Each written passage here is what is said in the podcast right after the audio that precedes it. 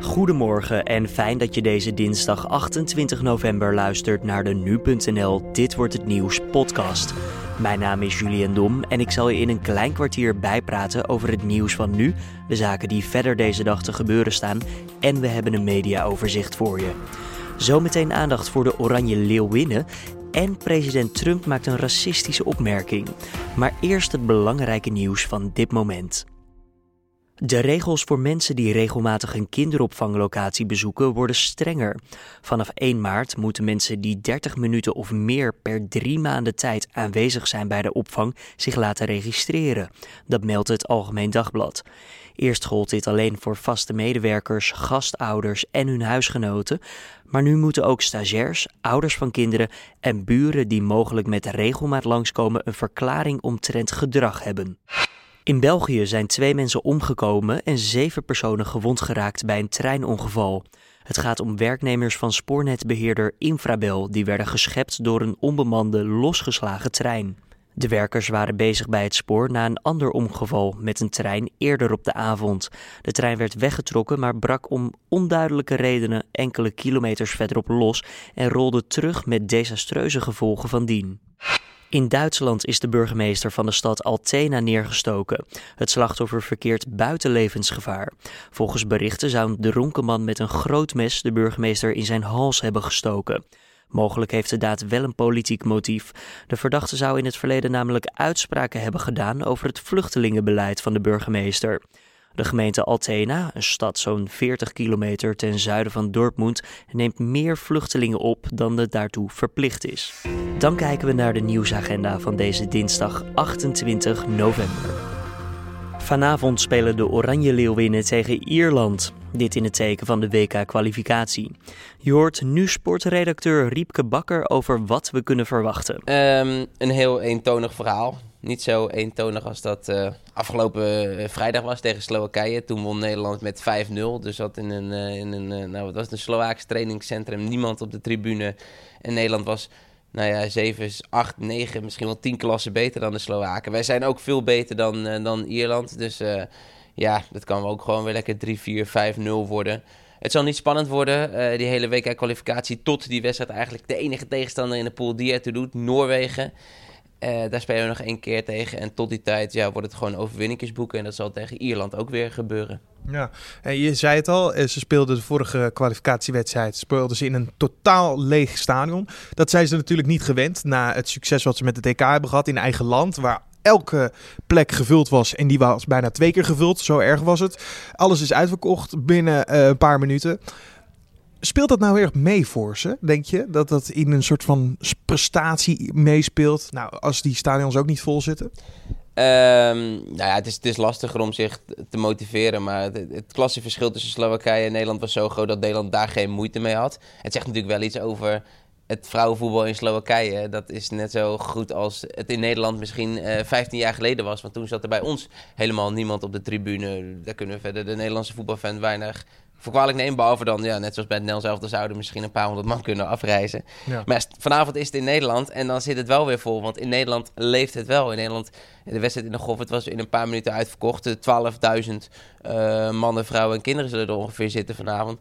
Dus ja, hier leeft het wel. En hier, uh, ja, dat is voor die vrouwen. Hè, vorige keer zat de Euroborg helemaal vol. Wel heel leuk om dat allemaal mee te maken, dat succes. Maar, uh, Miedema, een speelster van uh, Oranje, heeft aangegeven dat zij heel graag en haar team daarbij hetzelfde zou willen verdienen als de mannelijke partij.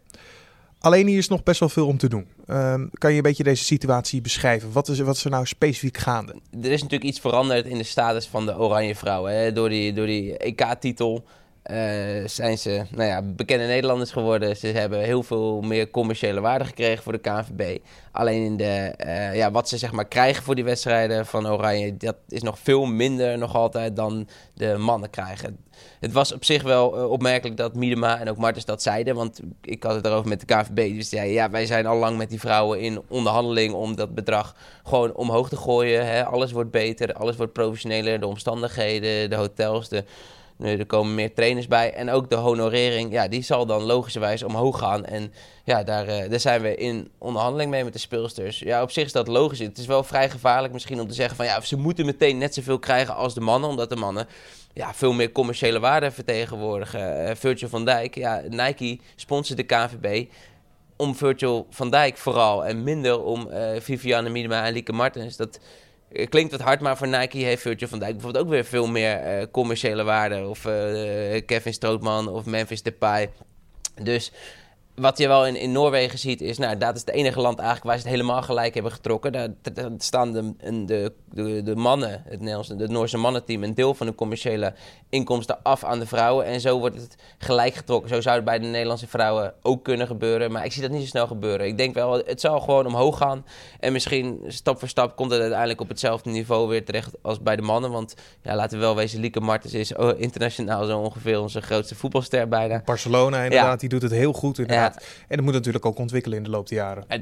de logische stap zou zijn ontwikkeling. En zo staat de KNVB er ook in. Omhoog, nou, stel dat het uh, weer groter wordt en de stadions nog voller. En Miedema zegt nu, laten we niet in die Goffert spelen. Laten we lekker in de Kuip in de Arena spelen. Nou, misschien krijgen ze dat ook uitverkocht zoals de mannen. Komt er weer meer geld binnen. En zo wordt dat uh, logischerwijs opgebouwd.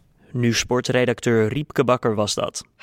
Uhuru Kenyatta wordt vandaag ingehuldigd voor zijn tweede termijn als president van Kenia. Kenyatta won de verkiezingen in oktober. Eerder wist hij ook al te winnen in augustus, maar die verkiezingen werden ongeldig verklaard. Dat vanwege onrechtmatigheden en ongeregeldheden. Oppositieleider Raila Odinga heeft de tweede ronde geboycott en riep zijn aanhangers ook op om hetzelfde te doen. Mede daardoor wist Kenyatta te winnen met 98% van de stemmen. De rechter doet vandaag uitspraak over de zaak die draait om een fatale brand in Amersfoort. Een 28-jarige vrouw wordt beschuldigd van moord. Ze zou het huis van haar moeder in brand hebben gestoken.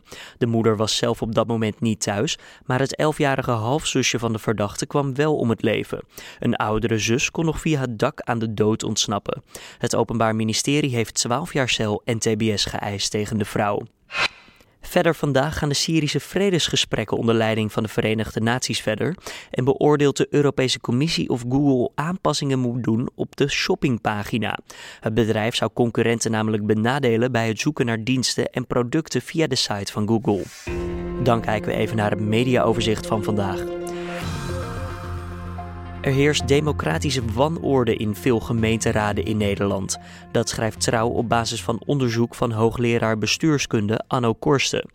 Volgens Korsten scoort de helft van de gemeenteraden in Nederland een onvoldoende. De omgang met andere raadsleden en het college van burgemeester en wethouders vormt vaak een probleem. Ook onbeschoft gedrag komt daarbij voor. De grootte van de gemeente is niet belangrijk voor de professionaliteit van de gemeenteraad. Zowel kleine als grote gemeenten hebben last van onprofessionele raadsleden. De NPO wil extra geld vragen aan kabelaars zoals KPN en Ziggo. Dat heeft NPO-topvrouw Shula Rijksman gezegd in de Telegraaf. Dat naar aanleiding van de mededeling van minister voor Media Arie Slop dat er geen extra geld vanuit de overheid naar de NPO gaat. De reclameinkomsten van de NPO dalen sneller dan verwacht en Slop wil dat gat niet dichten. Rijksman zegt nu dat er wel extra kosten gerekend moeten worden, omdat ze niet nog een keer kunnen bezuinigen bij de NPO. Of deze kosten worden doorberekend naar de televisiekijker is nog niet bekend. Dan het weer voor deze dinsdag. Het is vandaag bewolkt en er vallen buien, soms zelfs met hagel. Tijdens de buien kan de temperatuur flink dalen, maar over het algemeen is het dinsdag rond de 8 graden. Er staat verder een matige tot krachtige wind vanuit het westen of noordwesten. Voordat we afsluiten, nog even dit. De Amerikaanse president Donald Trump heeft een grap over Pocahontas gemaakt tijdens een bijeenkomst voor inheemse Amerikaanse oorlogsveteranen. You were here long before any of us were here. Although we have a representative in Congress who they say was here a long time ago. They call her Pocahontas. Trump noemde senator Elizabeth Warren vaak Pocahontas omdat zij eens gezegd heeft dat ze inheemse voorouders heeft. Warren reageerde na de opmerking van de president teleurgesteld. It is deeply unfortunate that the president of the United States cannot even make it through a ceremony honoring these heroes without having to throw out a racial slur. Het Witte Huis heeft ontkend dat het iets met racisme te maken had. Dit was dan de Dit wordt het nieuws podcast voor deze dinsdag 28 november. De Dit wordt het nieuws podcast is elke maandag tot en met vrijdag te vinden op nu.nl om 6 uur ochtends. Laat ook een recensie achter op iTunes of Soundcloud of stuur even een reactie naar redactieapenstaartje nu.nl. We staan natuurlijk altijd open voor feedback. Voor nu, tot morgen.